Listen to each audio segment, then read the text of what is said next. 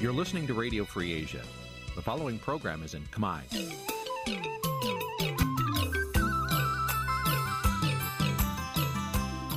Nǐ chi càm bi tiệp xáy vệt chiu a zì sáy. នេះជាកម្មវិធីផ្សាយរបស់ Vithu Azisari ជាភាសាខ្មែរ វិទ្យុអាស៊ីសេរីសូមស្វាគមន៍លោកអ្នកនាងទាំងអស់ពីរដ្ឋធានី Washington នៃសហរដ្ឋអាមេរិក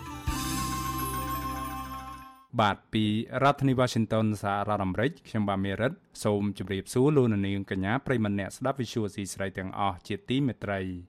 យើងខ្ញុំសូមជូនកម្មវិធីផ្សាយសម្រាប់ព្រឹកថ្ងៃច័ន្ទ11រោចខែមករាឆ្នាំខាលចត្វាស័កពុទ្ធសករាជ2566ដែលត្រូវនៅថ្ងៃទី19ខែធ្នូគ្រិស្តសករាជ2022បាទជាដំបូងនេះសូមអញ្ជើញលោកនាងកញ្ញាស្ដាប់ព័ត៌មានប្រចាំថ្ងៃដែលមានមេត្តាដូចតទៅ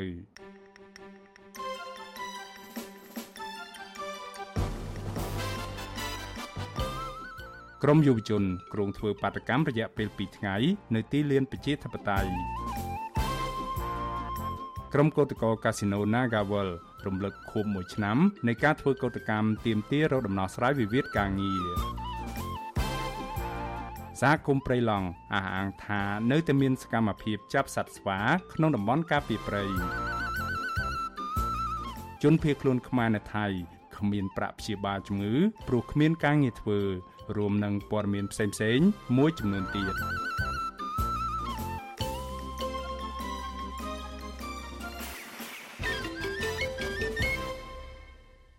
បាទជាបន្តទៅទៀតនេះខ្ញុំបាទមេរិតសូមជូនព័ត៌មានទាំងនេះពិស្ដា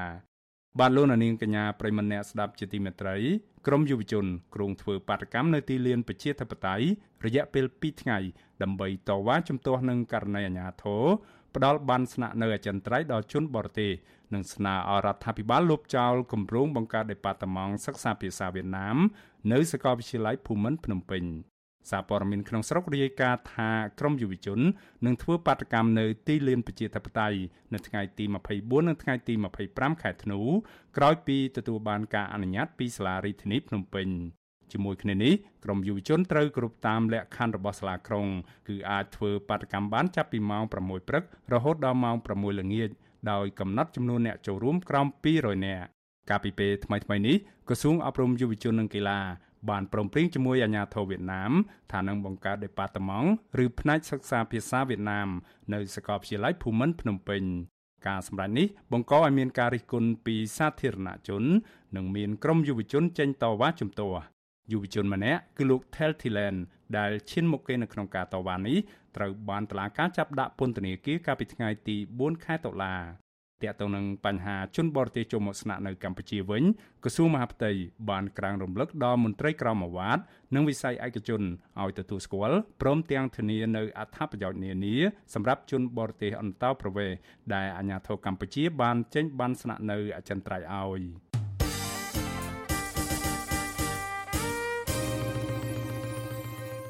បាឡូណានីងកញ្ញាប្រិមម្នាក់ស្ដាប់ជាទីមេត្រីយើងងាកមកស្ដាប់ព័ត៌មានតាក់ទងទៅនឹងការបន្តធ្វើកោតកម្មរបស់ក្រុមកម្មករកាស៊ីណូ Nagawal វិញម្ដងក្រុមកោតក្រកាស៊ីណូ Nagawal បាននាំគ្នារំលឹកខួប1ឆ្នាំនៃការតស៊ូធ្វើកោតកម្មដើម្បីស្វែងរកដំណោះស្រាយវិវាទការងារនៅខាងមុខអគារក្រុមហ៊ុនកាស៊ីណូ Nagawal កាលពីថ្ងៃទី18ខែធ្នូម្សិលមិញ ពួកគាត់អំពាវនាវដល់អាជ្ញាធរឲ្យដោះលែងមេសហជីពគឺកញ្ញាឈឹមស៊ីធនិងបញ្ឈប់រាល់ការធ្វើទុកបុកម្នេញនានាដោយដាក់សម្ពាធមកលើកោតក្រព្រមទាំងស្នើដល់ម្ចាស់ក្រុមហ៊ុនបនលបែង Casino Naga World ឲ្យចេញមកបញ្ចប់វិវាទការងាររ៉ាំរ៉ៃមួយនេះឲ្យបានឆាប់រហ័សមន្ត្រីសង្គមស៊ីវិលជំរុញឲ្យរដ្ឋាភិបាល និងភាគីក្រុមហ៊ុន បញ្ចប់វិវាទការងារនេះដោយសន្តិវិធី និងផ្អែកតាមនីតិវិធីច្បាប់ បាទពីរដ្ឋធានី Washington អ្នកស្រីសុជីវីរាយការណ៍ព័ត៌មាននេះគិតត្រឹមថ្ងៃទី18ខែធ្នូឆ្នាំ2022នេះគឺមានរយៈពេល1ឆ្នាំហើយដែលក្រុមកោតក្រ Nagavel ចេញធ្វើកោតកម្មដើម្បីទាមទារឲ្យម្ចាស់ក្រុមហ៊ុនបនលបែងដ៏ធំមួយនៅកណ្ដាលក្រុងភ្នំពេញគោរពច្បាប់ការងារក្រុមកោតក្របាននាំគ្នាកាន់ទុកដោយស្លៀកពាក់ខោអាវអ្នកជាប់ឃុំអមដោយដៃពួកគេកាន់បដា និងពេញប៉ោងពណ៌ខ្មៅស អមដោយសម្លេងត្រែស្គរនិងសម្រែកទីមទីឲ្យតុលាការដោះលែងនិងទម្លាក់ចោលការចោទប្រកាន់លើកញ្ញាឈឹមស៊ីធនិងសកម្មជនសហជីពបញ្ឈប់អំពើហិង្សាលើកូតកោព្រមទាំងស្នើឲ្យម្ចាស់ក្រុមហ៊ុនទទួលយកថ្នាក់ដឹកនាំនិងសហជីពចូលធ្វើការងារដោយដើមវិញចំណែកអាជ្ញាធរក្រុងភ្នំពេញស្លៀកពាក់ឯកសណ្ឋាននិងស៊ីវិលរាប់សិបនាក់នៅតែតាមឃ្លាំមើលកោតកោនៅកន្លែងធ្វើកោតកម្មដោយលើកមុនមុនដែរ កោតកោ Nagawal ម្នាក់គឺកញ្ញាម៉ែនសុធីវឌ្ឍនាប្រាវិទ្យុអាស៊ីសេរីថាក្រុមកោតកោបានចេញតវ៉ាស្វែងរកដំណោះស្រាយពីថៅកែក្រុមហ៊ុន Nagawal រយៈពេលជិត2ឆ្នាំទៅហើយនៅតាមបណ្ដាក្រសួងស្ថាប័ននិងបានចេញតវ៉ារយៈពេល1ឆ្នាំក៏កោតកោនៅតែមិនបានទទួលដំណោះស្រាយត្រឹមត្រូវតាមច្បាប់ការងារ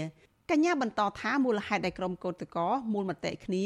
រៀបចំកម្មវិធីកាន់ទុក ដោយសាររយៈពេល1ឆ្នាំមកនេះកោតកោជួបរឿងតែការធ្វើបាប ការចោទប្រកាន់ការលៀបពណ៌ដោយសារក្រសួងការងារអសមត្ថភាពដោះស្រាយបញ្ចប់វិវាទការងារមួយនេះ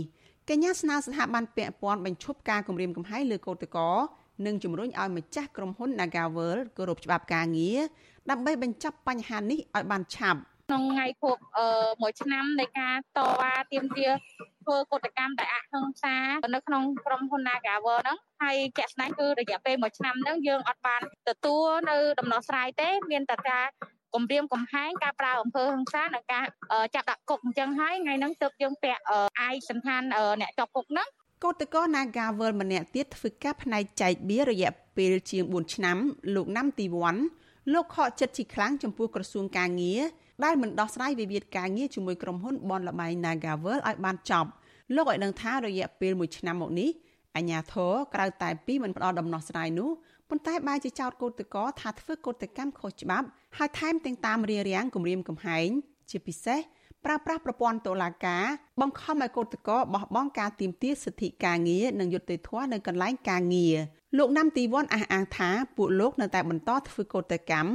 រហូតមានដំណោះស្រាយការងារដើម្បីផលប្រយោជន៍ដល់កម្មករនិងកុំឲ្យថៃកែមានលុយរំលោភសិទ្ធិកម្មករតទៅទៀត។ហើយសូមឲ្យក្រសួងការងារយកច្បាប់ការងារមកអនុវត្តចំពោះភាគីតកែផងឲ្យតកែគោរពសិទ្ធិកម្មករនិងយកមកបដោះស្រាយមិនមែនយកលុយដែលគុណគោលមិនត្រូវតាមសំណងហ្នឹងយកមកឲ្យកម្មករដើម្បីបញ្ឈប់ការធ្វើកោតកម្មនេះគឺពួកខ្ញុំមិនទទួលដាច់ខាតចំពោះរឿងលុយដែលដែលដើម្បីបញ្ចប់ការធ្វើកោតកម្មនេះ លុយអ្នកណាក៏ស្រឡាញ់អ្នកណាក៏ក៏ចង់បានដែរបងបងប៉ុន្តែបើសិនជាដោះដូរជាមួយនឹងសិទ្ធិសេរីភាពការងារគឺពួកខ្ញុំមិនព្រមជាដូរជាដាច់ខាតវិទ្យុអាស៊ីសេរីមិនអាចតាក់ទងแนะនាំពាក្យក្រសួងការងារលោកហេងសួរដើម្បីសុំការបកស្រាយជុំវិញរឿងនេះបានទេនៅថ្ងៃទី18ខែធ្នូ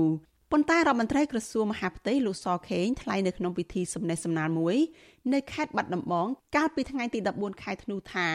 ដ្ឋាភិបាលបានខិតខំយកចិត្តទុកដាក់ ផ្ដល់ដំណោះស្រាយល្អមួយដោយផ្ដល់ប្រាក់អតីតភាពការងារនិងជួយសម្របសម្រួលឲ្យកោតក្របានធ្វើការងារនៅក្រុមហ៊ុន Nagavel និងកន្លែងការងារថ្មីទៀតដែរតែរឿងនេះនៅតែមិនអាចបញ្ចប់បានដោយសារបុគ្គលមួយចំនួនមិនព្រមទទួលយកនោះទេលោកអះអាងថា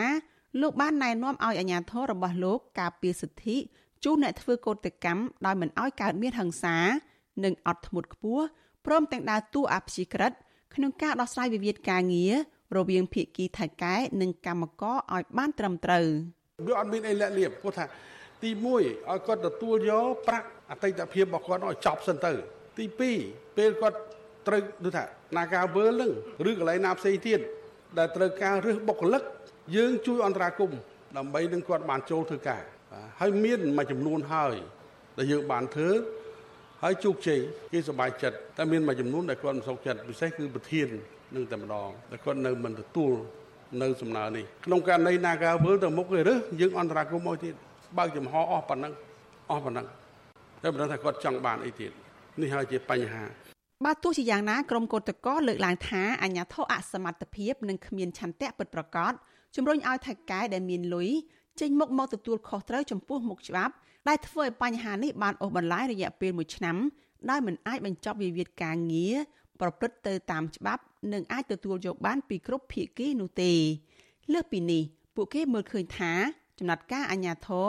លំអៀងទៅរកភាគីថៃកែព្រមទាំងអូសបន្លាយពេលវេលាដោះស្រាយបញ្ហា ដើម្បីដាក់សម្ពាធសេដ្ឋកិច្ចដល់អ្នកតវ៉ាឲ្យចុះខ្សោយដើម្បីឲ្យពួកគេបង្ខំចិត្តទទួលយកសំណងជាប្រាក់ដែលក្រុមហ៊ុនបានផ្ដល់ឲ្យដោយមិនត្រឹមត្រូវគិតមកដល់ពេលនេះក្រុមកោតក្របានធ្វើកោតកម្មមួយឆ្នាំហើយប៉ុន្តែពុំទទួលបានដំណោះស្រាយនោះទេ ផ្ទុយទៅវិញអាជ្ញាធរនិងក្រុមហ៊ុន បានរួមគ្នាចោទប្រកាន់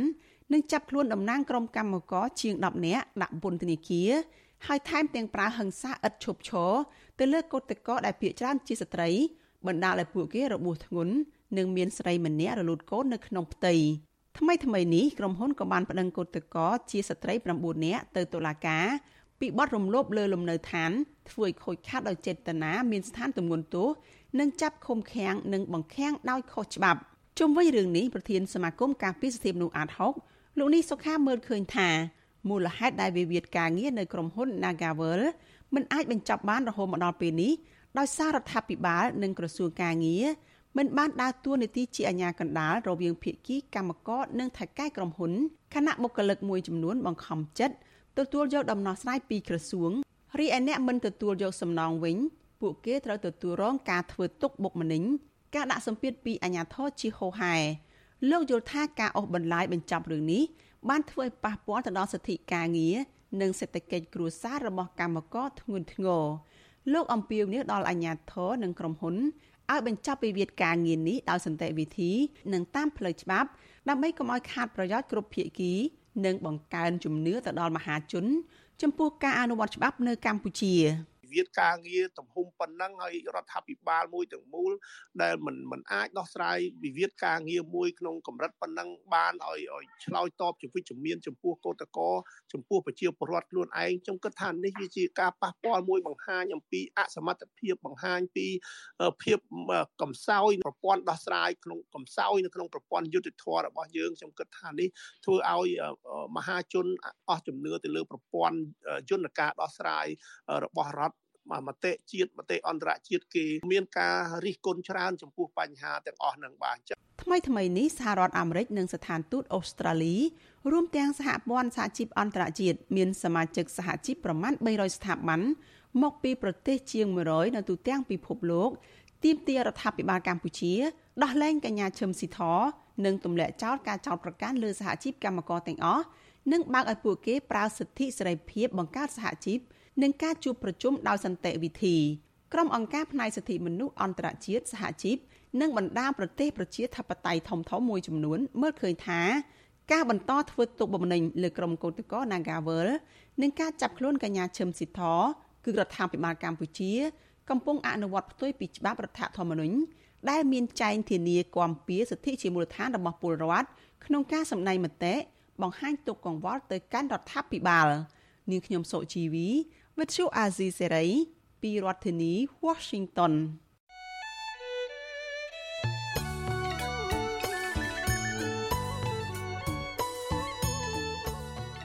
បាទលោកនាងកញ្ញាប្រិមម្នាក់ស្ដាប់ជាទីមេត្រី នៅក្នុងឱកាសនេះដែរខ្ញុំបាទសូមថ្លែងអំណរគុណដល់លោកនាងកញ្ញាទាំងអស់ដែលតែងតែមានភក្ដីភាពចំពោះការផ្សាយរបស់យើងខ្ញុំហើយចាត់ទុកការស្ដាប់ Visual Asia សេរីគឺជាផ្នែកមួយនៃសកម្មភាពប្រចាំថ្ងៃរបស់លោកនាង ការគ្រប់គ្រងរបស់លោកនាងនេះហើយដែលធ្វើឲ្យយើងខ្ញុំមានទឹកចិត្តកាន់តែខ្លាំងថែមទៀតនៅក្នុងការស្វែងរកនិងផ្តល់ព័ត៌មានពិតជូនលោកនាងមានអ្នកស្ដាប់និងអ្នកទស្សនាកាន់តែច្រើនកាន់តែធ្វើយើងខ្ញុំមានភាពស្វាហាប់និងមោះមុតជាបន្តទៅទៀតបាទយើងខ្ញុំសូមអរគុណទុកជាមុនហើយសូមអញ្ជើញលោកនាងកញ្ញាចូលរួមជំរុញឲ្យសកម្មភាពផ្តល់ព័ត៌មានពិតរបស់យើងខ្ញុំនេះកាន់តែជោគជ័យបន្ថែមទៀត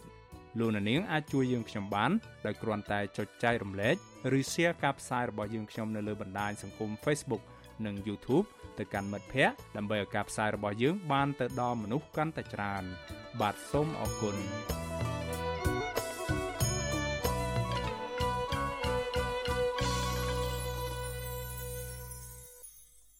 បាទលោកនាងកញ្ញាប្រិមម្នាក់ស្ដាប់ជាទីមេត្រី រឿងរ៉ាវតាក់ទងទៅនឹងការបន្តកាត់ទោសមន្ត្រីនិងសកម្មជនគណៈបកសង្គ្រោះជាតិវិញម្ដងបាទក្រុមគ្រួសារនិងអ្នកជំនាញច្បាប់លើកឡើងថាតឡាការក្រុងភ្នំពេញ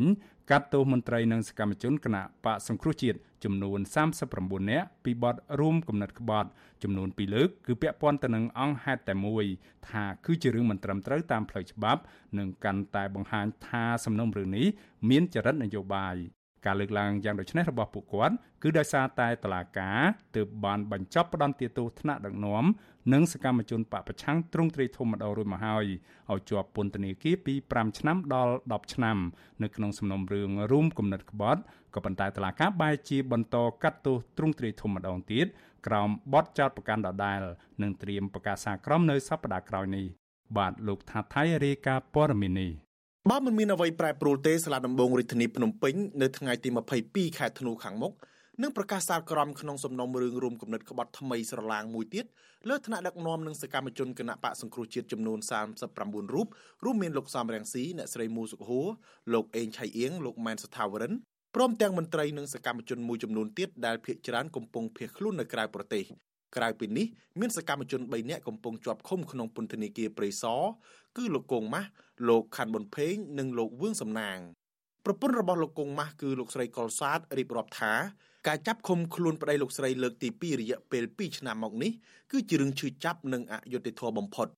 លោកស្រីបញ្ជាក់ថាសវនាការ8លើកកន្លងមកតុលាការគ្មានភ័ស្តុតាងរឹងមាំណាមួយដែលបង្ហាញទោសកំហុសប្តីលោកស្រីឡើយ តុលាការគ្រាន់តែសំអាងលើសារសម្លេងខ្លីមួយតាមបណ្ដាញសង្គម Telegram ដែលលោកកងម៉ាស់បបួលមិត្តភ័ក្តិផឹកកាហ្វេនៅមុខតុលាការក្រុងភ្នំពេញដើម្បីតាមដានសវនាការទ្រង់ទ្រាយធំរបស់ថ្នាក់ដឹកនាំនិងសកម្មជនគណៈបកសង្គ្រោះជាតិកាលពីខែធ្នូឆ្នាំ2020ប្រពន្ធរបស់សកម្មជនគណៈបកប្រឆាំងរូបនេះយល់ថារដ្ឋាភិបាលខ្លាចស្រមោលខ្លួនឯងដូច្នេះចេះតែបំបិតសិទ្ធិនិងចាប់ខ្លួនអ្នកមាននិន្នាការផ្ទុយ លោកស្រីកុលសាទសង្ឃឹមថាប្រសិនបើតុលាការប្រកាន់ជំហរឯករាជ្យនិងវិជ្ជាជីវៈត្រឹមត្រូវនឹងហ៊ានប្រគល់សេរីភាពជូនប្តីលោកស្រីនិងសកម្មជនផ្សេងទៀតក្នុងថ្ងៃប្រកាសសាលក្រមនៅថ្ងៃទី22ខែធ្នូគាត់ថាប្រជាពលរដ្ឋម្នាក់ដែលបាត់ដៃទទេសោះអត់មានអាវុធអីនៅក្នុងដៃសោះអញ្ចឹងខ្លាចពួកគាត់ហើយចាប់ពួកគាត់ដាក់គុកទាំងគ្មានភ័ស្តុតាងក៏ដូចជាឯកសារយកមកបញ្ជាក់ឲ្យច្បាស់ច្បាស់លាស់ចាសម្រាប់ខ្ញុំជាក្រុមគ្រួសារខ្ញុំគិតថាវាអយុត្តិធម៌ សំណុំរឿងរួមគំនិតក្បត់ថ្មីនេះផ្ដើមចេញពីគម្រោងវិលជុលស្រុករបស់អនុប្រធានគណៈបកសង្គ្រោះជាតិអ្នកស្រីមូសុខូកាលពីដើមខែមករាឆ្នាំ2021ដើម្បីចូលរួមតតាំងក្តីក្នុងសវនាការទ្រង់ទ្រាយធំ ដែលតុលាការចោទពីបទឧបឃាតនិងពីបទរួមគំនិតក្បត់ជាដើមពាក់ព័ន្ធនឹងដំណើរមាតុភូមិនិវត្តរបស់លោកសំរងស៊ីកាលពីចុងឆ្នាំ2019ដោយសារការប្រកាសវិលជុលស្រុកដើម្បីតតាំងក្តីក្នុងតុលាការនេះហើយ តុលាការដែលរងការរិះគន់ថាជាឧបករណ៍របស់លោកហ៊ុនសែននោះក៏ចាប់ផ្ដើមចោទប្រកាន់ក្រុមថ្នាក់ដឹកនាំនិងសកម្មជនគណៈបកសង្គ្រោះជាតិពីបទរួមគំនិតក្បត់បន្ថែមមួយទៀតរីឯលោកកងម៉ាស់និងលោកខាន់ប៊ុនភេងវិញពួកគាត់ត្រូវបានសមត្ថកិច្ចចាប់ខ្លួននៅថ្ងៃទី31ខែធ្នូឆ្នាំ2020ពលគឺនៅមុនប៉ុន្មានថ្ងៃនៃការប៉ុនប៉ងវិលចូលស្រុកមិនបានសម្រេចរបស់អ្នកស្រីមូសុខហួរហើយតុលាការបានភ្ជាប់ការចាត់ប្រកាន់ពីបទរួមគំនិតក្បត់ដូចគ្នាតែម្ដង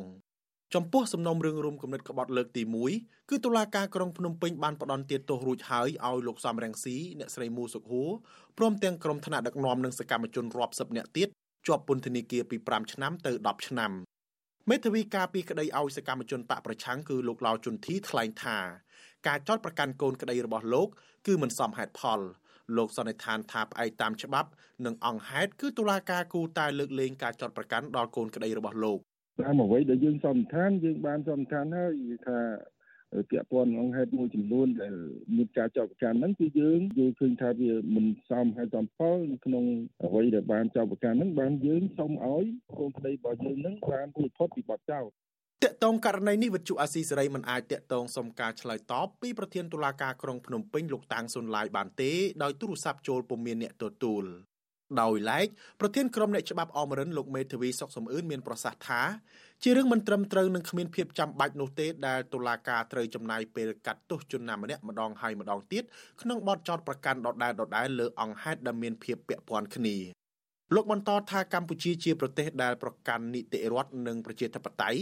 ដូច្នេះតុលាការមិនគួរចោទប្រកាន់ប្រជាពលរដ្ឋនិងសកម្មជននយោបាយពីបទរួមគំនិតក្បត់នោះទេ ព្រោះពួកគាត់គ្មានអាវុធក្នុងដៃនិងគ្រាន់តែប្រើប្រាស់សិទ្ធិសេរីភាពបញ្ចេញមតិប៉ុណ្ណោះស្រដៀងគ្នានេះនាយកទទួលបន្ទុកកិច្ចការទូតនៃអង្គការលីកាដូលោកអំសំអាតលើកឡើងដែរថាផ្អែកតាមច្បាប់សម្រាប់អ្នកដែលបានជាប់ចោតពីបទរួមគំនិតក្បត់និងត្រូវបានតុលាការកាត់ទោសរួចរាល់ហើយនោះមិនគួរមានការចោតប្រកាន់និងការកាត់ទោសឡើងវិញនោះទេព្រោះជាបទល្មើសដដែលដដែលទោះជាយ៉ាងណា លោកមើលឃើញថាករណីទាំងនេះគឺជារឿងនយោបាយដូច្នេះទាមទារឲ្យអ្នកនយោបាយទាំងពីរបកត្រូវចរចាដោះស្រាយវិបត្តិនយោបាយឡើងវិញលោកបន្តថាប្រសិនបើគ្មានការចរចាបញ្ចប់វិបត្តិនយោបាយទេសកម្មជននយោបាយបកប្រឆាំងនឹងបន្តរងគ្រោះហើយរដ្ឋាភិបាលនឹងបន្តរងការរិះគន់ពីសហគមន៍អន្តរជាតិជាពិសេសកម្ពុជានឹងកាន់តែបាត់បង់ផលប្រយោជន៍សេដ្ឋកិច្ចពីសហភាពអឺរ៉ុបនិងសហរដ្ឋអាមេរិក ទាំងសហគមន៍អឺរ៉ុបទាំងសហរដ្ឋអាមេរិកហ្នឹងគឺគេសុំឲ្យមានលំហសេរីភាពទាំង4នឹងឡើងវិញគឺលំហសេរីភាពនយោបាយលំហសេរីភាពសារព័ត៌មានលំហសេរីភាពមូលដ្ឋានរបស់ពលរដ្ឋនឹងហើយនឹងលំហសេរីភាពសមាគមអង្គការគុំស៊ីវិលនិងសហជីពនឹង អញ្ចឹងវានៅក្នុងនឹងឯងដែលគេមើលឃើញថាការចោទប្រកាន់ការចាប់ទៅលើអតីតសកម្មជនគណៈបកប្រឆាំងឬគណៈបកប្រឆាំងហ្នឹងវាធ្វើឲ្យប៉ះពាល់ទៅដល់ដំណើរការលទ្ធិប្រជាធិបតេយ្យនិងការគោរពសិទ្ធិមនុស្សនឹងជាពិសេសគឺធ្វើឲ្យបរិយាកាសមិនល្អសម្រាប់ចំពោះទៅរកការបោះឆ្នោតឆ្នាំ2023ខាងមុខណាបាទអញ្ចឹងចំណុចនឹងហើយដែលអ្នកនយោបាយទាំងអស់ត្រូវតែគិតគូរពិចារណាឡើងវិញពាក់ព័ន្ធនឹងការកាត់ទោសថ្នាក់ដឹកនាំនិងសកម្មជនគណៈបកសង្គ្រោះជាតិទាំងហ្វូងនេះ ក្រុមអង្គការសិទ្ធិមនុស្សជាតិនិងអន្តរជាតិព្រមទាំងក្រុមប្រទេសប្រជាធិបតេយ្យធំធំ បានថ្កោលទោសជាបន្តបន្ទាប់ថាកាត់ទោសនេះគឺជារឿងអយុត្តិធម៌ដែលគ្មានភ័ស្តុតាងច្បាស់លាស់ត្រឹមត្រូវនិងជាការវាយប្រហារលើលទ្ធិប្រជាធិបតេយ្យក្នុងគោលបំណងប្រឆាំងគូប្រជែងនយោបាយរបស់លោកនាយករដ្ឋមន្ត្រីហ៊ុនសែននិងគណៈបកកណ្ដាលអំណាចទង្វើរបស់រដ្ឋាភិបាលលោកហ៊ុនសែននេះត្រូវបានសហគមន៍អន្តរជាតិដាក់ទណ្ឌកម្មជាបន្តបន្ទាប់ដែលនាំឲ្យប៉ះពាល់ដល់ផលប្រយោជន៍ជាតិនិងប្រជាពលរដ្ឋ ខ្ញុំថាថៃពីទីក្រុងមែលប៊នបាឡូណានីងកញ្ញាជាទីមេត្រីរីឯសំណុំរឿងជនភៀសខ្លួនខ្មែរនៅប្រទេសថៃវិញម្ដងបាទសកម្មជននយោបាយដែលបច្ចុប្បន្នកំពុងរស់នៅភៀសខ្លួនក្នុងប្រទេសថៃកំពុងជួបទុក្ខលំបាកដោយសារតែពេលឈឺម្ដងម្ដង ពួកគេគ្មានថវិកាសម្រាប់បង់ថ្លៃព្យាបាលពួកគាត់លើកឡើងថាប្រាក់ជំនួយដែលអង្គការសហប្រជាជាតិទទួលបន្ទុកជនភៀសខ្លួនផ្ដល់ឲ្យ គឺតិចតួចមិនគ្រប់គ្រាន់សម្រាប់ដោះស្រាយជីវភាពគ្រួសាររបស់ពួកគេឡើយអ្នកវិភាគយល់ឃើញថាបើកម្ពុជា នៅតែមានជនភៀសខ្លួនដោយសារតែរឿងនយោបាយនិងការបញ្ចេញមតិនោះកម្ពុជាមិនទាន់មានសន្តិភាពពេញលេញនោះទេបាទលោកនាងកញ្ញានឹងបានស្ដាប់សេចក្តីរាយការណ៍នៃពិស្ដានាពេលបន្តិចទៀតនេះបាទសូមអរគុណ បាទលោកនាងកញ្ញាប្រិមម្នាក់ស្ដាប់ជាទីមេត្រីពាក់ព័ន្ធទៅនឹងការប្រារព្ធទិវាអ្នកចំណាក់ស្រុកអន្តរជាតិវិញម្ដងបានមជ្ឈមណ្ឌលសម្ព័ន្ធភាពការងារនិងសិទ្ធិមនុស្សហៅកាត់ថាអង្គការសង្ត្រាល់បានប្រារព្ធទិវាអ្នកចំណាក់ស្រុកអន្តរជាតិលើកទី23កាលពីថ្ងៃទី18ខែធ្នូម្សិលមិញនៅតាមទីតាំងចំនួន9ផ្សេងគ្នា ដើម្បីជំរុញឲ្យរដ្ឋាភិបាលផ្ដល់ភាពស្របច្បាប់ និងកិច្ចគាំពារសង្គមដល់ពលករចំណាក់ស្រុក ទិវាអ្នកចំណាក់ស្រុកអន្តរជាតិរបស់អង្គការសង្ត្រាល់នេះមានអ្នកចូលរួមសរុបជាង900នាក់ដែលពួកគេទាំងនោះគឺជាអតីតពលករចំណាក់ស្រុក គ្រួសារពលករចំណាក់ស្រុកព្រះសង្ឃលោកគ្រូអ្នកគ្រូនិងសិស្សានុសិស្សជាដើមអ្នកចូលរួមកម្មវិធីទាំងនេះបានដង្ហែក្បួនផ្សព្វផ្សាយពីវិធីធ្វើចំណាក់ស្រុកប្រកបដោយសុវត្ថិភាព និងរៀបចំជាវេទិកាសហគមន៍ចំនួន9ទីតាំងផ្សេងគ្នា នៅតាមបណ្ដាខេត្តចំនួន4រួមមានខេត្តកំពង់ធំសៀមរាបបន្ទាយមានជ័យនិងខេត្តបាត់ដំបងមន្ត្រីកម្មវិធីប្រឆាំងការជួញដូរមនុស្សនិងទេសន្តប្រវេសនៃអង្គការសង្ត្រាល់កញ្ញាត្រីសុភា ប្រាវិសុយស៊ីស្រីថាគោលបំណងនៃការប្រារព្ធទិវាអ្នកចំណាក់ស្រុកអន្តរជាតិនេះគឺមាន3ទី1គឺចង់ផ្សព្វផ្សាយអំពីការធ្វើចំណាក់ស្រុកប្រកបដោយសុវត្ថិភាពដល់ប្រជាពលរដ្ឋ គោលបំណងទី2គឺជំរុញឲ្យរដ្ឋាភិបាល បង្កលក្ខណៈងាយស្រួលដល់ការធ្វើចំណាក់ស្រុករបស់ពលករខ្មែរទៅធ្វើការនៅបរទេសជាពិសេសនៅប្រទេសថៃគោលបំណងចុងក្រោយគឺជំរុញឲ្យរដ្ឋាភិបាលផ្ដល់កិច្ចគាំពារសង្គមដល់ពលករចំណាក់ស្រុកស្របពេលដែលពួកគេវិលត្រឡប់មករស់នៅក្នុងប្រទេសវិញកញ្ញាត្រីសុភា បន្ថែមថាមូលហេតុដែលពលករខ្មែរភៀសច្រើនសម្រាប់ចិត្តធ្វើចំណាក់ស្រុកដោយខុសច្បាប់ គឺដោយសារតែនីតិវិធីនៃការធ្វើចំណាក់ស្រុក មានលក្ខណៈស្មុគស្មាញត្រូវចំណាយថវិកាច្រើន និងរយៈពេលយូរមែនតែនទៅគឺយើងព្យាយាមប្រម៉ូទ zero recruitment fee ដែលការចំណាយពាក់ព័ន្ធទៅនឹងការធ្វើចំណាក់ស្រុករបស់ពលរដ្ឋកម្ពុជាវាគួរតែជាបន្ទុករបស់ថៅកែវាមិនគួរជាបន្ទុករបស់ពលករទេអញ្ចឹងតើការណាដែលគាត់អាចទៅដោយពុំមានការចំណាយប្រាក់ពីកប៉ាល់របស់គាត់វាធ្វើឲ្យគាត់អាចស្វែងរកការចំណាក់ស្រុកមួយតាមរយៈប្រព័ន្ធដែលដែលសមរម្យដែលគាត់អាចទៅដោយអត់មានបង់ថវិកាណាតាមតែហ្នឹងគឺជាអ្វីដែលយើងចង់ឃើញ កន្លងមកអង្គការសង្ត្រាល់បានប៉ាន់ស្មានថាក្នុងចំណោមពលករខ្មែរធ្វើចំណាកស្រុកទៅធ្វើការនៅប្រទេសថៃជិត2លាននាក់មានពលករធ្វើចំណាកស្រុកដោយស្របច្បាប់ត្រឹមតែជាង150,000នាក់តែប៉ុណ្ណោះដោយឡែករបាយការណ៍ក្រសួងការងារនិងបណ្ដុះបណ្ដាលវិជ្ជាជីវៈបានបង្ហាញថាពលករខ្មែរដែលមាននិងមិនមានកិច្ចព្រមព្រៀងធ្វើចំណាក់ស្រុកផ្លូវការទៅធ្វើការនៅក្នុងប្រទេសថៃ មានចំនួនសរុប1លាន3សែននាក់ ប្រជាពលករខ្មែរនៅតែជ្រើសរើសយកការធ្វើដំណើរទៅធ្វើការនៅប្រទេសថៃដោយលួចលាក់តាមច្រករបៀងដោយសារតែពួកគេមិនមានលុយគ្រប់គ្រាន់ដើម្បីបំពេញនីតិវិធីធ្វើចំណាកស្រុកដោយស្របច្បាប់ខណៈពលរដ្ឋខ្មែរភៀសច្រើនដែលសម្រេចចិត្តធ្វើចំណាកស្រុកគឺដោយសារតែពួកគេគ្មានការងារធ្វើនិងមានជីវភាពក្រីក្រ ប្រធានកម្មវិធីប្រឆាំងការជួញដូរមនុស្សនិងទេសន្តប្រវេសនៃអង្គការសង្ត្រាល់លោកឌីថេហូយ៉ាធ្លាប់លើកឡើងថា80%នៃពលករធ្វើចំណាកស្រុកទៅប្រទេសថៃគឺបណ្ដាលមកពីការជំពាក់បំណុលធនាគារវ៉ាន់កដូច្នេះហើយពួកគេត្រូវបង្ខំចិត្តធ្វើចំណាកស្រុកដើម្បីរកចំណូលផ្គត់ផ្គង់ជីវភាព និងសងបំណុលធនាគារ ជុំវិញការប្ររពទិវាអ្នកចំណាក់ស្រុកអន្តរជាតិលើកទី23នេះអ្នកប្រឹក្សាអំពីការធ្វើចំណាក់ស្រុកដោយសវត្ថភាពនៃអង្គការសង្ត្រាល់ប្រចាំឃុំរើលស្រុកពួកនៃខេត្តសៀមរាបលោកឈឹមឈៀប្រាវិសុវស៊ីស្រីថានៅឃុំរបស់លោកមានអ្នកចូលរួមដង្ហែក្បួនផ្សព្វផ្សាយពីការធ្វើចំណាកស្រុកដោយសវត្ថភាពចំនួនជាង100នាក់ដោយមានជិះគោយន្តចំនួន8គ្រឿងលោកបានថែមថាប្រជាពលរដ្ឋនៅក្នុងឃុំរបស់លោកភៀកច្រើន បានធ្វើចំណាកស្រុកដោយខុសច្បាប់ព្រោះពួកគេត្រូវការធ្វើចំណាកស្រុកឲ្យបានឆាប់រហ័សដើម្បីរកចំណូលផ្គត់ផ្គង់ជីវភាពគ្រួសារលោកបានថែមថាកន្លងមកប្រជាពលរដ្ឋខ្លះដែលដាក់ពាក្យធ្វើចំណាកស្រុកតាមរយៈក្រុមហ៊ុនត្រូវចំណាយលុយអស់រហូតដល់500ដុល្លារអាមេរិកដើម្បីធ្វើឯកសារចំណាកស្រុកហើយពេលខ្លះទម្រាំអាចធ្វើចំណាកស្រុកបាន គឺត្រូវចំណាយពេលរហូតដល់6ខែក៏មាន លោកឈឹមជាយល់ឃើញថារដ្ឋាភិបាលគួរលើកកម្ពស់ជីវភាពរបស់ប្រជាពលរដ្ឋ តាមរយៈការផ្ដល់ការងារដែលមានប្រាក់ខែសមរម្យនិងរកទីផ្សារលក់ផលិតផលជូនដល់កសិករដើម្បីកាត់បន្ថយកុំឲ្យប្រជាពលរដ្ឋខ្មែរធ្វើចំណាកស្រុកដោយខុសច្បាប់ឧទាហរណ៍យើងដាំបន្លែបានហើយមានទីផ្សារកសិកម្មមួយដែលគាត់អាចលក់បានតម្លៃសមរម្យខ្ញុំគិតថាប្រជាពលរដ្ឋខ្មែរគឺអត់មានណាចង់ចេញពីស្រុកកំណើតទេបងព្រោះខ្ញុំក៏ជាប្រជាពលរដ្ឋក្រមរុដែលឆ្លងកាត់បញ្ហានឹងច្រើនអញ្ចឹងខ្ញុំក៏យល់ថា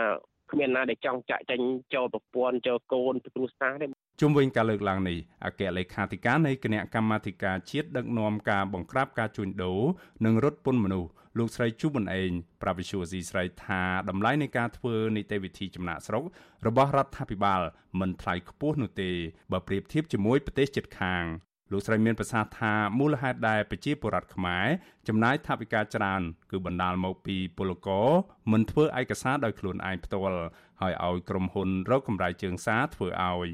ដោយសារមានពេលខ្លះគាត់នៅនឹងប្រទេសថៃស្រាប់ហើយនៅពេលដែលគាត់ធ្វើការទំនាក់ទំនងគាត់តាក់ទងជាមួយនឹងនយោជកឬមួយក៏តាក់ទងជាមួយនឹងអ្នករដ្ឋការហើយដែលគាត់អត់បានស្ដាប់អីដែលយើងបានជម្រាបគាត់ទេ បើតាមអង្គការសង្ត្រាល់ក្នុងឆ្នាំ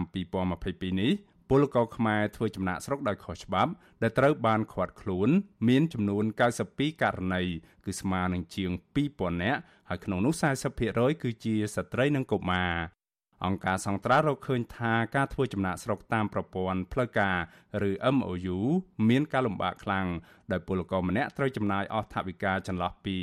300ទៅ500ដុល្លារអាមេរិក នឹងត្រូវរងចាំចន្លោះពី1ខែទៅដល់6ខែទើបអាចធ្វើចំណាក់ស្រុកដោយស្របច្បាប់បានកន្លងមកក៏ធ្លាប់មានករណីជាច្រើនដែរដែលពលករខ្មែរត្រូវបានសមត្ថកិច្ចថៃបាញ់សម្លាប់និងចាប់ដាក់ពន្ធនាគារក្នុងពេលលួចឆ្លងដែនដោយខុសច្បាប់ចូលក្នុងទឹកដីថៃជាមួយគ្នានេះពលករខ្មែរជាច្រើនអ្នកដែលទៅធ្វើការដោយខុសច្បាប់ក៏ត្រូវបានថកែថៃរំលោភសិទ្ធិការងារដោយបង្ខំឲ្យធ្វើការលើសម៉ោងនិងមិនបើកប្រាក់ខែឲ្យជាដើម បាទលោកនាងកញ្ញាប្រិមមអ្នកស្ដាប់ជាទីមេត្រីដំណើរគ្នានឹងស្ដាប់ការផ្សាយរបស់ Visual C ស្រីតាមបណ្ដាញសង្គម Facebook និង YouTube លោកនាងកញ្ញាក៏អាចស្ដាប់កម្មវិធីផ្សាយផ្ទាល់របស់ Visual C ស្រីតាមរលកធារកាសខ្លីឬ Shortwave តាមកម្រិតនិងកម្ពស់ដូចតទៅនេះពេលព្រឹកចាប់ពីម៉ោង5កន្លះដល់ម៉ោង6កន្លះតាមរយៈប៉ុស SW 9.39 MHz ស្មើនឹងកម្ពស់ 32m និងប៉ុស SW 11.85 MHz ស្មើនឹងកម្ពស់ 25m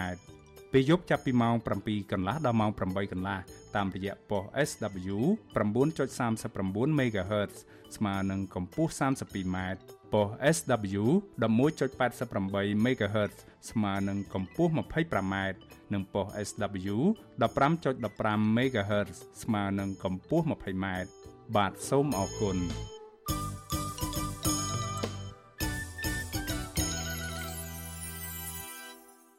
បាទលោកនាងកញ្ញាប្រិមម្នាក់ស្ដាប់ជាទីមេត្រី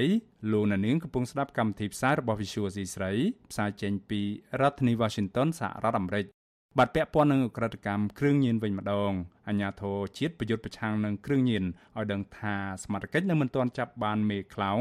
ដែលរក្សាទុកគ្រឿងញៀនជិត1តោនក្នុងឃ្លាំងជួលនៅខេត្តព្រះសីហនុបាននៅឡើយទេ ក៏ប៉ុន្តែសមត្ថកិច្ចកំពុងបន្តនីតិវិធីសួរដេញដោលជនសង្ស័យមួយចំនួនដើម្បីរកដំណុយតាមចាប់ក្រុមមេខ្លោងអក្រិតកម្មគ្រឿងញៀនទាំងនេះមន្ត្រីអង្គការសង្គមស៊ីវិលជំរុញដល់អាជ្ញាធរឲ្យពន្លឿននីតិវិធីនៃការស៊ើបអង្កេតករណីនេះប្រកបដោយតម្លាភាពនិងឯករាជ្យដើម្បីឲ្យមហាជនមានទំនុកចិត្តបាទលោកសនច័ន្ទរដ្ឋាពីរដ្ឋធានី Washington រាយការណ៍ព័ត៌មាននេះអគ្គលេខានៃអគ្គលេខាធិការដ្ឋានអាជ្ញាធរជាប្រយុទ្ធប្រឆាំងគ្រឿងញៀនលោកមាសវរិទ្ធ ប្រាវិទ្យូអេស៊ីសរ៉ៃថ្ងៃទី18ខែធ្នូថាកម្ពុជាកំពុងបើកកិច្ចសហប្រតិបត្តិការជាមួយអ្នកជំនាញនៃប្រទេសអូស្ត្រាលីវៀតណាមថៃនិងសហរដ្ឋអាមេរិកដើម្បីស៊ើបអង្កេតនិងសិក្សាវិតម្លៃឲ្យបានស៊ីជម្រៅពីប្រភពគ្រឿងញៀនដែលក្រុមក្រិតជនលួចរសារទុកជាមួយតោននៅខេត្តបរសែនុនិងគ្រឿងញៀនសារធាតុគីមីច្រើនតោនផ្សេងទៀតដែលសមត្ថកិច្ចបានរឹបអូសនៅតាមបណ្ដាខេត្តផ្សេងៗនាពេលកន្លងមកលោកមីវរិតបញ្ជាក់ថាសមត្ថកិច្ចមិនទាន់ចាប់បានមេខ្លោងណាម្នាក់លើករណីដែលពួកគេបានរសារទុកគ្រឿងញៀន ក្នុងឃ្លាំងជួលនៅខេត្តផ្សេងនោះនៅឡើយទេលោកបន្តថាមូលហេតុដែលយឺតយ៉ាវដោយសារជនសង្ស័យមួយចំនួនដែលសមត្ថកិច្ចបានខកខ្លួនបានផ្ដោតចម្លើយមិនច្បាស់លាស់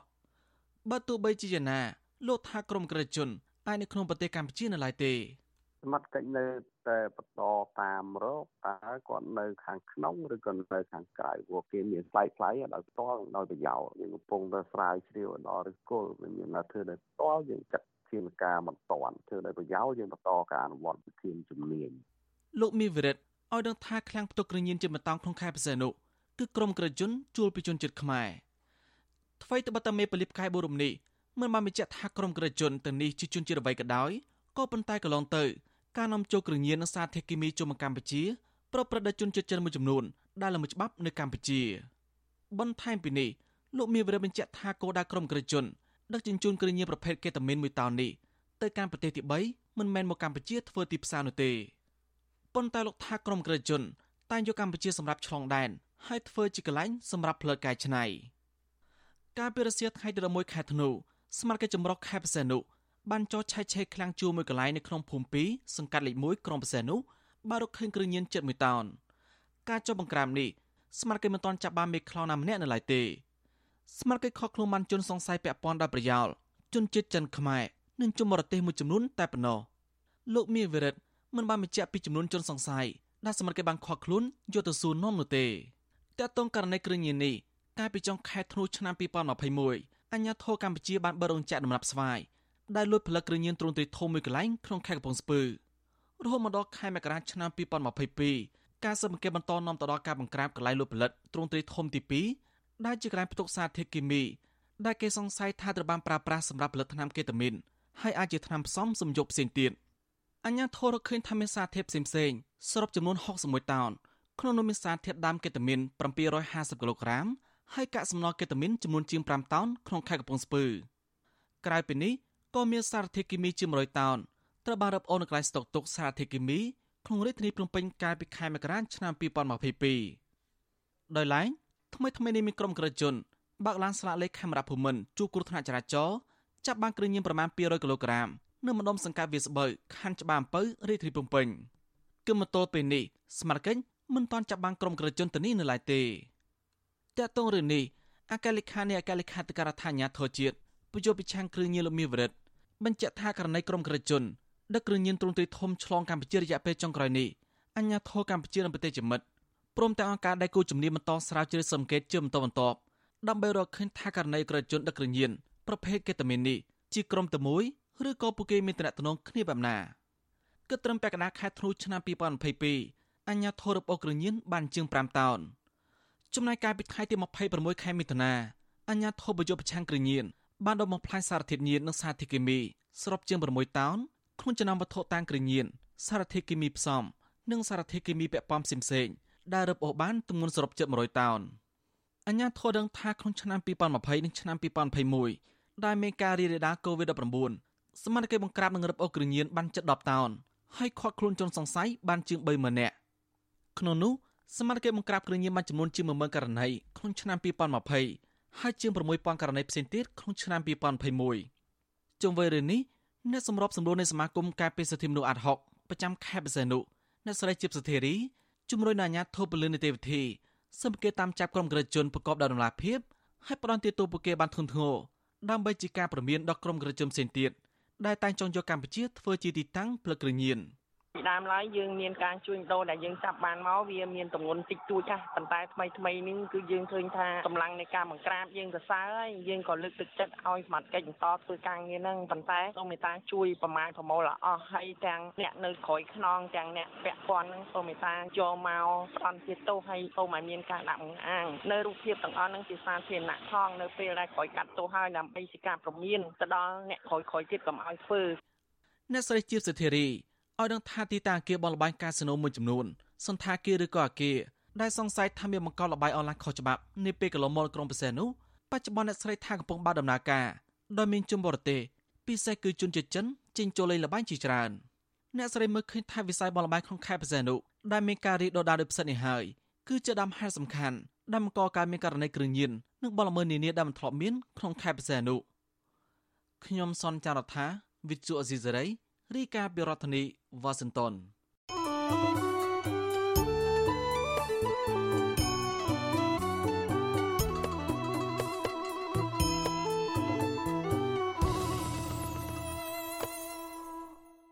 បាទលោកនាងកញ្ញាប្រិមម្នាក់ស្ដាប់ជាទីមេត្រីយើងងាកមកស្ដាប់ព័ត៌មានតាក់ទងទៅនឹងសកម្មភាពចាប់សត្វស្វាខុសច្បាប់នៅក្នុងតំបន់ព្រៃឡង់វិញម្ដង បាត់សហគមន៍ការពីប្រៃឡង់នៅខេត្តស្ទឹងត្រែងអះអាងថានៅតែមានករណីកាប់ដើមឈើធំធំ និងសកម្មភាពមួយចំនួនដើម្បីចាប់សត្វស្វាយកទៅលក់ការលើកឡើងនេះគឺបន្ទាប់ពីបណ្ដាញសហគមន៍ការពីប្រៃឡង់ខេត្តស្ទឹងត្រែងបានចុះល្បាតព្រៃរយៈពេល4ថ្ងៃកាលពីថ្ងៃទី12ដល់ថ្ងៃទី15ខែធ្នូសមាជិកសហគមន៍ការពីប្រៃឡង់លោកកៅបូនីប្រាប់សារព័ត៌មានក្នុងស្រុក VOD ថា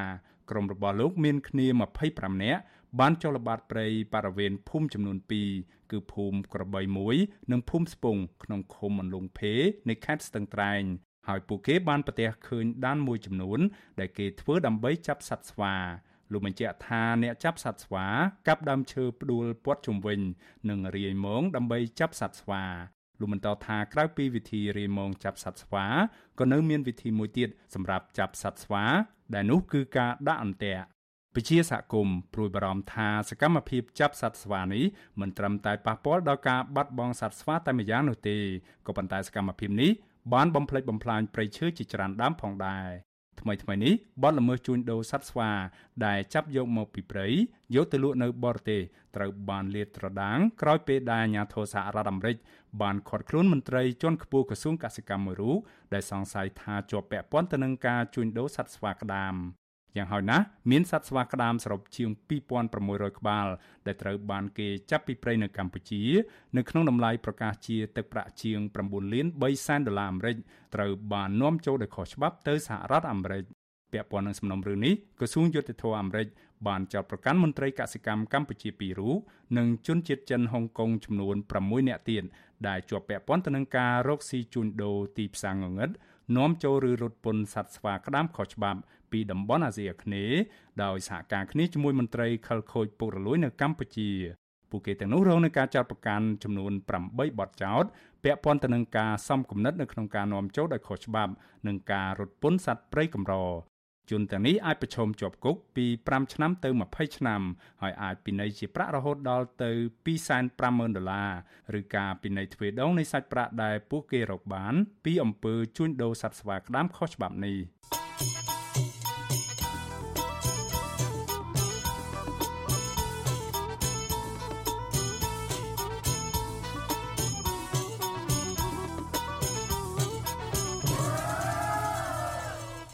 បាទលោកនាងកញ្ញាប្រិមម្នាក់ស្ដាប់ជាទីមេត្រី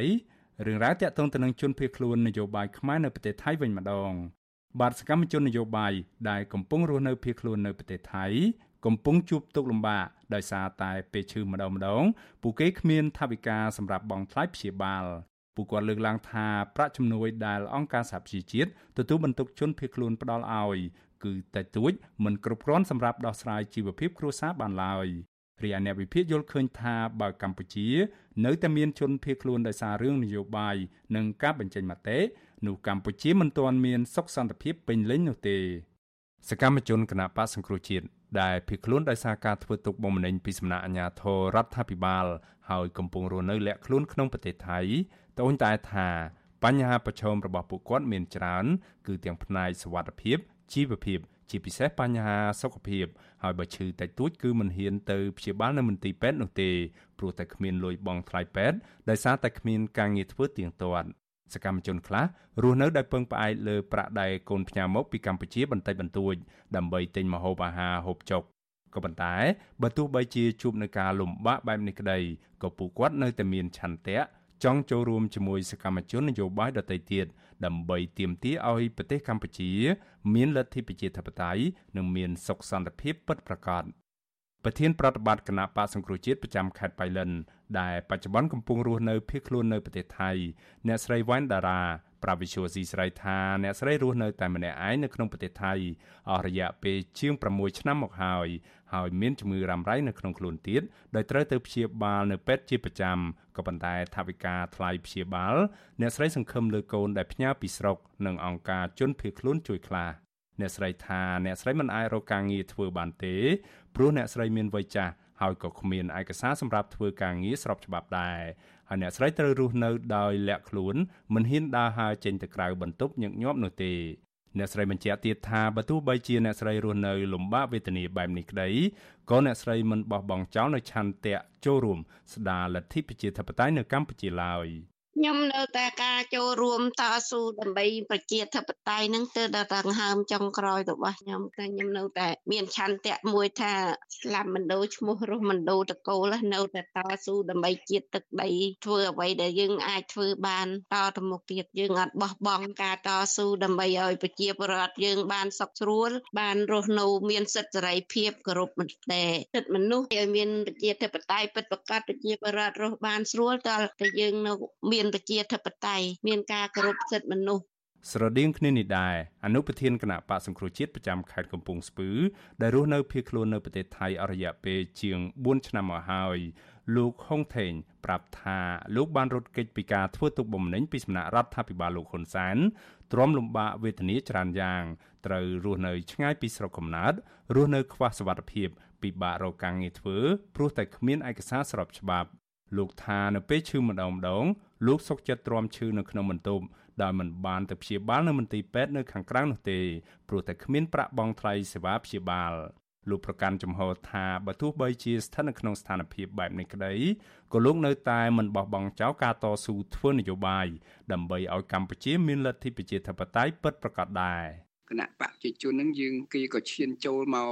មកលុកលុយនៅតាមគ្រប់តំបន់គ្រប់ខេត្តនៅក្នុងប្រទេសថៃហ្នឹងដើម្បីដូចថាជួនកាលគេស្វែងរកពួកយើងទៀតហើយយើងនឹងរស់នៅអាថ្ងៃហ្នឹងរស់ក្នុងការដូចថាលាក់ខ្លួនចឹងទេมันមានសិទ្ធិសេរីភាពអីដើរស្វែងស្វាយអីស្រេចចិត្តទេខ្លាចគេស្គាល់ខ្លាចគេឃើញអីចឹងគេចាប់ចឹងណាជនភៀសខ្លួនខ្មែរដែលឈឺម្ដងម្ដងអ្នកខ្លះត្រូវសម្រាប់ព្យាបាលនៅមន្ទីរពេទ្យ4-5ថ្ងៃហើយត្រូវចំណាយលើថ្លៃព្យាបាលពេទ្យ ថ្លៃថ្នាំអស់ថវិកាច្រើនដូចជាករណីអ្នកស្រីវ៉ែនដារ៉ាជាដើម ដែលត្រូវចំណាយលើថ្លៃព្យាបាលពេទ្យអស់រាប់សែនបាតក៏ប៉ុន្តែជំងឺរបស់អ្នកស្រីនៅតែមិនទាន់ធូរស្រាលនៅឡើយទេ ហើយក៏មានសកម្មជនដទៃទៀតមានស្ថានភាពជំងឺប្រហាក់ប្រហែលនឹងអ្នកស្រីវ៉ែនដារ៉ាដែរដែលត្រូវការការមើលថែទាំពីអង្គការសហប្រជាជាតិផ្នែកជនភៀសខ្លួន ចំណែកសកម្មជនគណៈបកសង្គ្រោះជាតិម្នាក់ទៀតរស់នៅភៀសខ្លួននៅប្រទេសថៃអស់រយៈពេលជាង5ឆ្នាំមកហើយលោកតាំងសុផុនប្រាប់ថាលោកមានវ័យចាស់អាយុជាង60ឆ្នាំសុខភាពមិនសូវមាំមួននោះទេហើយក៏គ្មានមុខរបរអ្វីដើម្បីរកប្រាក់ចំណូលចិញ្ចឹមជីវិតនៅក្នុងប្រទេសថៃដែរលោកបានថែមថាពេលមិនស្រួលខ្លួនម្ដងម្ដងលោកគ្រាន់តែទិញថ្នាំនៅជិតផ្ទះលេបមួយគ្រាមួយគ្រាតែប៉ុណ្ណោះព្រោះគ្មានប្រាក់បង់ថ្លៃសេវាព្យាបាល អត់យ៉ាងណាក៏ដោយត្រូវតែតស៊ូព្រោះអីយើង ម្នាក់ម្នាក់តស៊ូនឹងជាតិនឹងគណៈបកហ្នឹងសិតតែ20ឆ្នាំជាងអស់ហើយរហូតដល់ពេលនេះហើយដោយថាយើងមានតែតស៊ូទៅមុខទៀតទេរឿងទៅក្រោយអត់មានវិលទេទោះបីការលំបាកវេទនាយ៉ាងណាក៏ត្រូវតែប្រឹងដែរមានដាច់បាយម្ដងម្ដងទៅយកបាយលោកហូបតែអត់មានវាពេលដាច់មែនតើទៅប៉ុន្តែទោះបីយ៉ាងណាក៏យើងនៅតែតស៊ូដែរធ្វើម៉េចទេបើយើងជាអ្នកតស៊ូទៅហើយឈាមអ្នកតស៊ូត្រូវតែតស៊ូ សប្តាហ៍មានសកម្មជនបពប្រឆាំងអ្នកតស៊ូមតិសកម្មជនសិទ្ធិមនុស្សសកម្មជនបរិស្ថាន កំពុងរស់នៅភៀសខ្លួនក្នុងប្រទេសថៃជិត100នាក់ពួកគេបានរត់គេចខ្លួននៅប្រទេសថៃដោយសារតែអាជ្ញាធររដ្ឋាភិបាលឯកបៈរបស់លោកហ៊ុនសែនធ្វើទុកបុកម្នេញប្រធានគណៈកម្មការរដ្ឋបាលជនភៀសខ្លួនប្រចាំប្រទេសថៃរបស់គណៈបកសង្គ្រោះជាតិលោកសៅពលៈឲ្យដឹងថាជនភៀសខ្លួនដែលមានជំងឺប្រចាំកាយនិងមានអាយុច្រើន មានចំនួន6នាក់ ហើយពួកគាត់និងសកម្មជនផ្សេងទៀតបានទទួលប្រាក់ឧបត្ថម្ភពីគណៈបកសង្គ្រោះជាតិនៅក្រៅប្រទេសក្នុងមួយខែ3000បាតស្មើនឹងជិត90ដុល្លារលោកថាប្រាក់នេះគឺមិនគ្រប់គ្រាន់សម្រាប់ចាយវាយនៅក្នុងជីវិតប្រចាំថ្ងៃនោះទេ ខ្ញុំយល់ឃើញថាពួកគាត់នឹងគឺមានឆន្ទៈរឹងមាំល្អច្បាស់លាស់ល្អណាស់ក្នុងការចង់ឲ្យមានការផ្លាស់ប្ដូរនៅប្រទេសកម្ពុជាហើយជាពិសេសហ្នឹងគឺ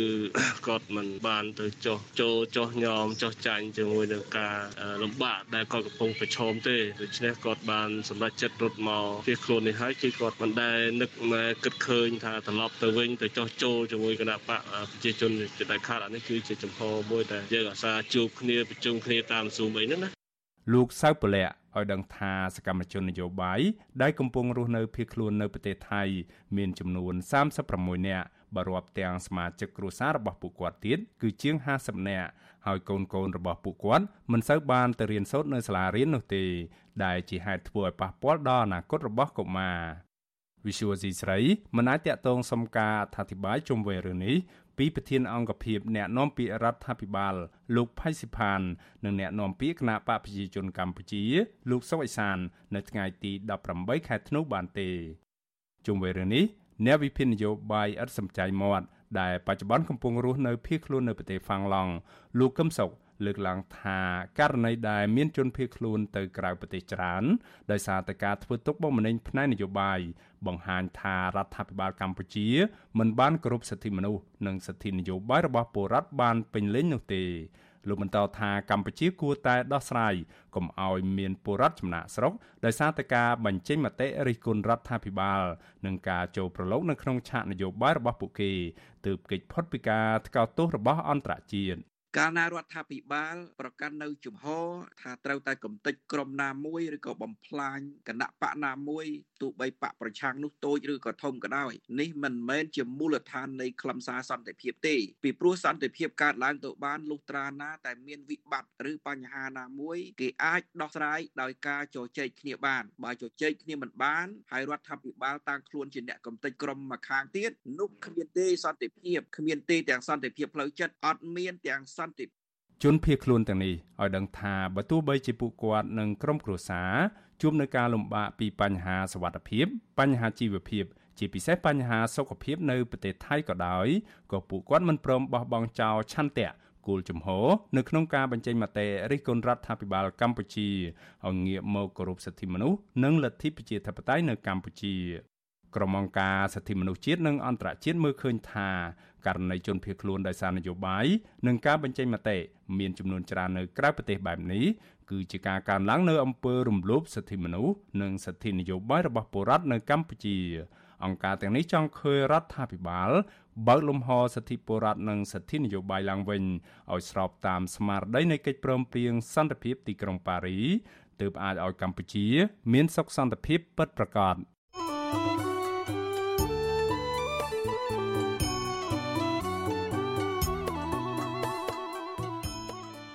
បាទលោកនាងប្រិមម្នាក់ស្ដាប់ជាទីមេត្រីក្រៅពីតាមដានកម្មវិធីផ្សាយរបស់ Visual C ស្រីតាមបណ្ដាញសង្គម Facebook YouTube និង Telegram លោកនាងក៏អាចតាមដានកម្មវិធីផ្សាយរបស់យើង តាមបណ្ដាញសង្គម Instagram ដែលមានអាសយដ្ឋាន instagram.com/rfa ខ្មែរ Visual C ស្រីបន្តខិតខំផ្សព្វផ្សាយព័ត៌មានពិតជូនដល់លោកនាង តាមរយៈបណ្ដាញសង្គមផ្សេងៗនិងសម្បូរបែបដើម្បីឲ្យលោកអ្នកនាងងាយស្រួលតាមដានការផ្សាយរបស់យើងគ្រប់ពេលវេលានិងគ្រប់ទីកន្លែងតាមរយៈទូរស័ព្ទដៃរបស់លោកអ្នកនាង បាទសូមអរគុណ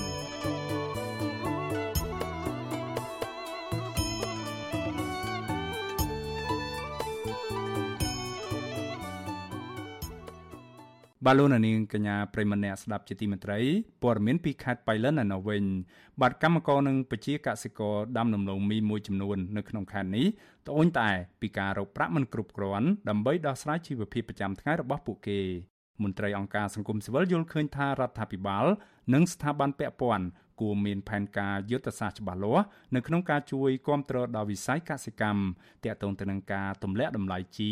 តម្លៃប្រេងតម្លៃទំនិញ ការបង្កើតការងារក្នុងស្រុកឲ្យបានច្រើនបើទោះបីជារដ្ឋត្រូវចំណាយច្រើនឬខាតបង់យ៉ាងណាក៏ដោយបាទលោកជីវិតារីកាព័រមេនីកសិករដាំដំឡូងមីមួយចំនួននៅក្រុងប៉ៃលិនសោកស្ដាយដែលរដ្ឋាភិបាលនិងស្ថាប័នពាក់ព័ន្ធគ្មានលទ្ធភាពរកដំណោះស្រាយបញ្ចុះតម្លៃប្រេងនិងតម្លៃទំនិញលើទីផ្សារដែលធ្វើឲ្យកម្មករនិងកសិករលក់ផលិតផលរបស់ខ្លួនគ្មានប្រាក់ចំណេញព្រោះត្រូវចំណាយប្រាក់ទៅវិញគ្មានសល់សម្រាប់ដោះស្រាយជីវភាពគ្រួសារ កម្មករស៊ីឈ្នួលដកដំឡូងនៅសង្កាត់បៃលិនម្នាក់សូមមិនបញ្ចេញឈ្មោះប្រវិទ្យុអាស៊ីសេរីថាលោកស្រីរស់នៅជាមួយចៅកំព្រា3នាក់និងសូមដីគេស្នាក់នៅទទួលបានប្រាក់ឈ្នួលសពថ្ងៃមិនសមស្របនឹងតម្លៃទំនិញលើទីផ្សារដែលមានតម្លៃខ្ពស់ធ្វើឲ្យលោកស្រីជួបបញ្ហាការចំណាយទៅវិញកាន់តែច្រើនលោកស្រីបន្តថាសពថ្ងៃលោកស្រីនិងចៅចៅរកប្រាក់មួយថ្ងៃសម្រាប់តែអាហារមួយថ្ងៃប៉ុណ្ណោះ ហើយនៅពេលណាចំណាយច្រើនធ្វើឲ្យលោកស្រីប្រឈមជីវភាពកាន់តែលំបាកពីពលកម្មថ្ងៃនេះយើងទៅធ្វើការបាន2500ទេហើយចំណាយចំណេញពីត្រីទូកត្រីអីការសប្ងៃនេះ1គីឡូតម្លៃធ្វើការមួយថ្ងៃយើងធ្វើការសប្ងៃខ្វះខាតរឿងការហូបចុកយើងជាខំប្រឹងធ្វើទៅធ្វើគួរយើងវាអត់យើងធ្វើទៅយើងកាន់តែ25000ទៅបានតែធុង1គីឡូទេសប្ងៃនេះយើងធ្វើការមួយថ្ងៃបាត់ហើយ ចំណែកកសិករដាំដំឡូងមីនៅក្រុងប៉ៃលិនលោកសុកសឿនលើកឡើងថាលោកដាំដំណាំដំឡូងមីប្រមាណ30ហិកតា ដែលត្រូវចំណាយដើមទុនច្រើនលោកបន្តថាតម្លៃពលកម្មតម្លៃជីតម្លៃប្រេងម៉ាស៊ូតនិងតម្លៃកសិផល មានការកើនឡើង ច្រើនជាងតម្លៃដំឡូងមី ជាហេតុធ្វើឲ្យការប្រមូលផលដំឡូងមីមិនឃើញប្រាក់ចំណេញព្រោះពេលលោកចុះដើមទុនដាំតម្លៃប្រេងឡើងថ្លៃខ្លាំងជិត6000រៀលក្នុង1លីត្រ ឥឡូវចាប់ដើមប្រមូលផលវាបានផលវាឆ្នាំនេះវាមិនសូវជាពេញប្រហែលដោយសារយើងអត់បានថែវាគ្រប់គ្រាន់វាជីឆ្នាំអីវារៀងថ្លៃដែរហើយតម្លៃវាឡើងបានជាងឆ្នាំមុនបន្តិចប៉ុន្តែគាត់ថាវាធៀបឆ្នាំមុនជីឆ្នាំអីវានៅធូរថ្លៃហើយឆ្នាំនេះវាថ្លៃដែរហើយដឡូវាឡើងបានលើសឆ្នាំមុនហើយជាពីកាក់តតូននឹងការយើងចុះធ្វើទៅវិញនេះវាតតូននឹងប្រេងនឹងពលកម្មហើយនឹងឆ្នាំអីវាចំណាយខ្ពស់តែអញ្ចឹងបារម្ភខ្លាចថ្ងៃក្រោយទៅយើងពិបាកធ្វើដោយសារការចំណាយលើប្រេងលើឆ្នាំហ្នឹងវាអស់ច្រើនពលកម្មក៏ថ្លៃស្រដៀងគ្នានេះដែរ កសិកររស់នៅស្រុកសាឡាក្រៅលោកសឿមភឿនឲ្យដឹងថា លោកធ្វើចំការដំឡូង14ហិកតា ហើយលោកចំណាយប្រាក់ដើមច្រើន ទៅលើការប្រើប្រាស់ជីថ្នាំសម្លាប់សត្វល្អិត និងតម្លៃពលកម្មលោកថាបើតម្លៃជីទំនិញនិងតម្លៃប្រេងចុះថោកកសិករនឹងអាចទទួលបានប្រាក់ចំណេញសមរម្យលោកបញ្ជាក់ថា គ្រឿងជន់បំរើឲ្យវិស័យកសិកម្មភ ieck ច្រើនប្រើប្រេងម៉ាស៊ូត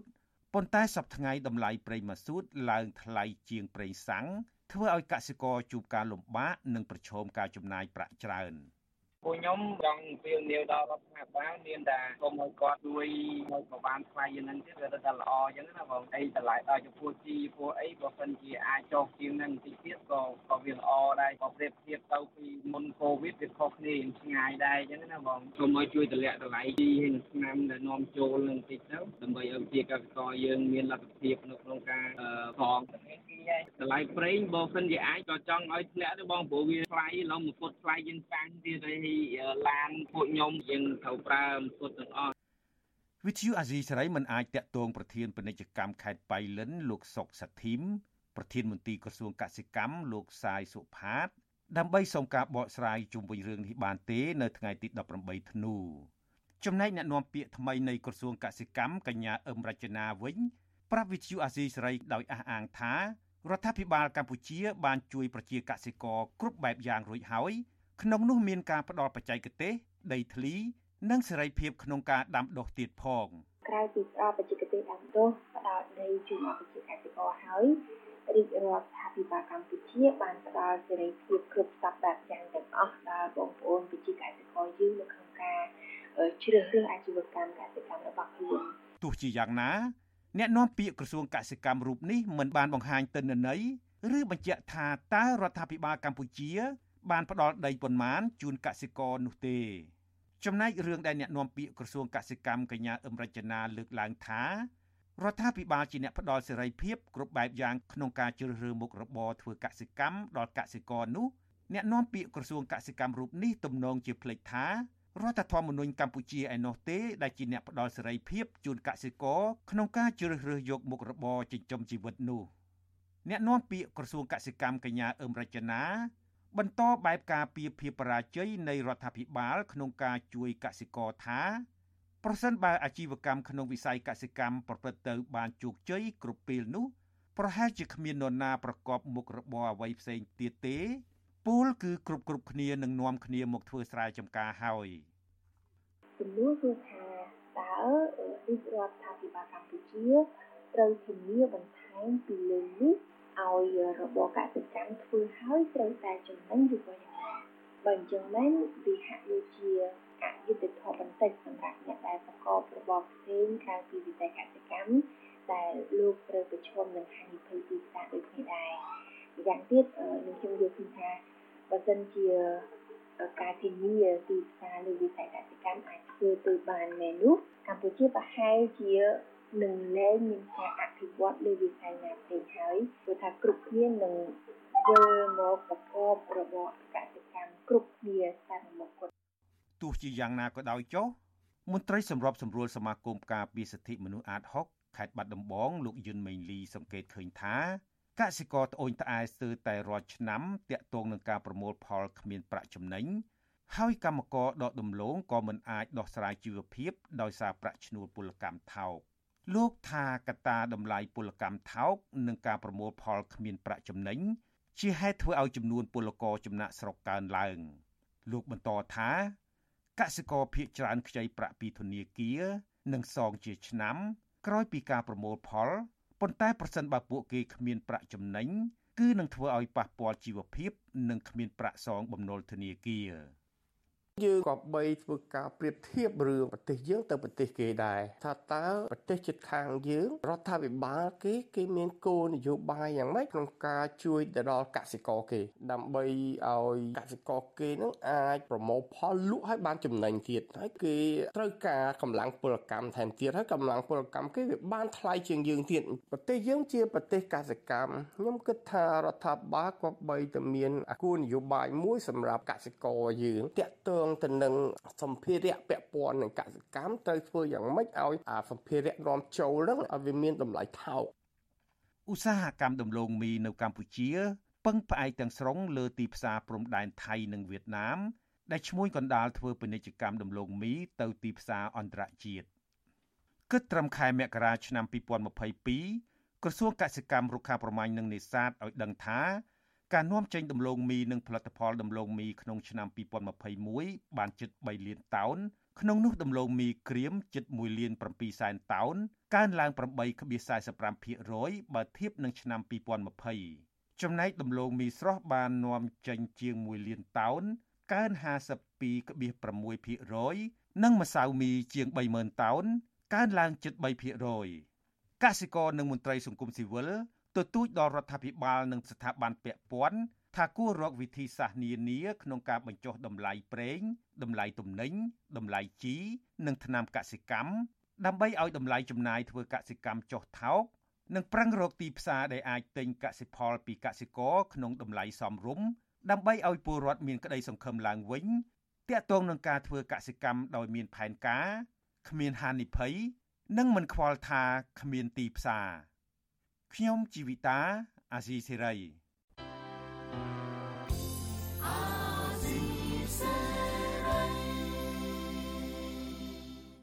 បាទលោកនាងកញ្ញាប្រិមម្នាក់ស្ដាប់ជាទីមេត្រីកម្មវិធីផ្សាយរយៈពេល1ម៉ោងនៃ Visual Asia ស្រីជាភាសាខ្មែរនៅពេលនេះចប់តែប៉ុណ្ណេះយើងខ្ញុំសូមជូនពរដល់លោកអ្នកនាងកញ្ញាព្រមទាំងក្រុមគ្រួសារទាំងអស់ឲ្យជួបប្រកបតែនឹងសេចក្តីសុខចម្រើនរុងរឿងកំបីគ្លៀនគ្លាតឡើយខ្ញុំបាទមេរិត ព្រមទាំងក្រុមការងារទាំងអស់នៃវិសុវអសីស្រីសូមអរគុណនិងសូមជម្រាបលា thank you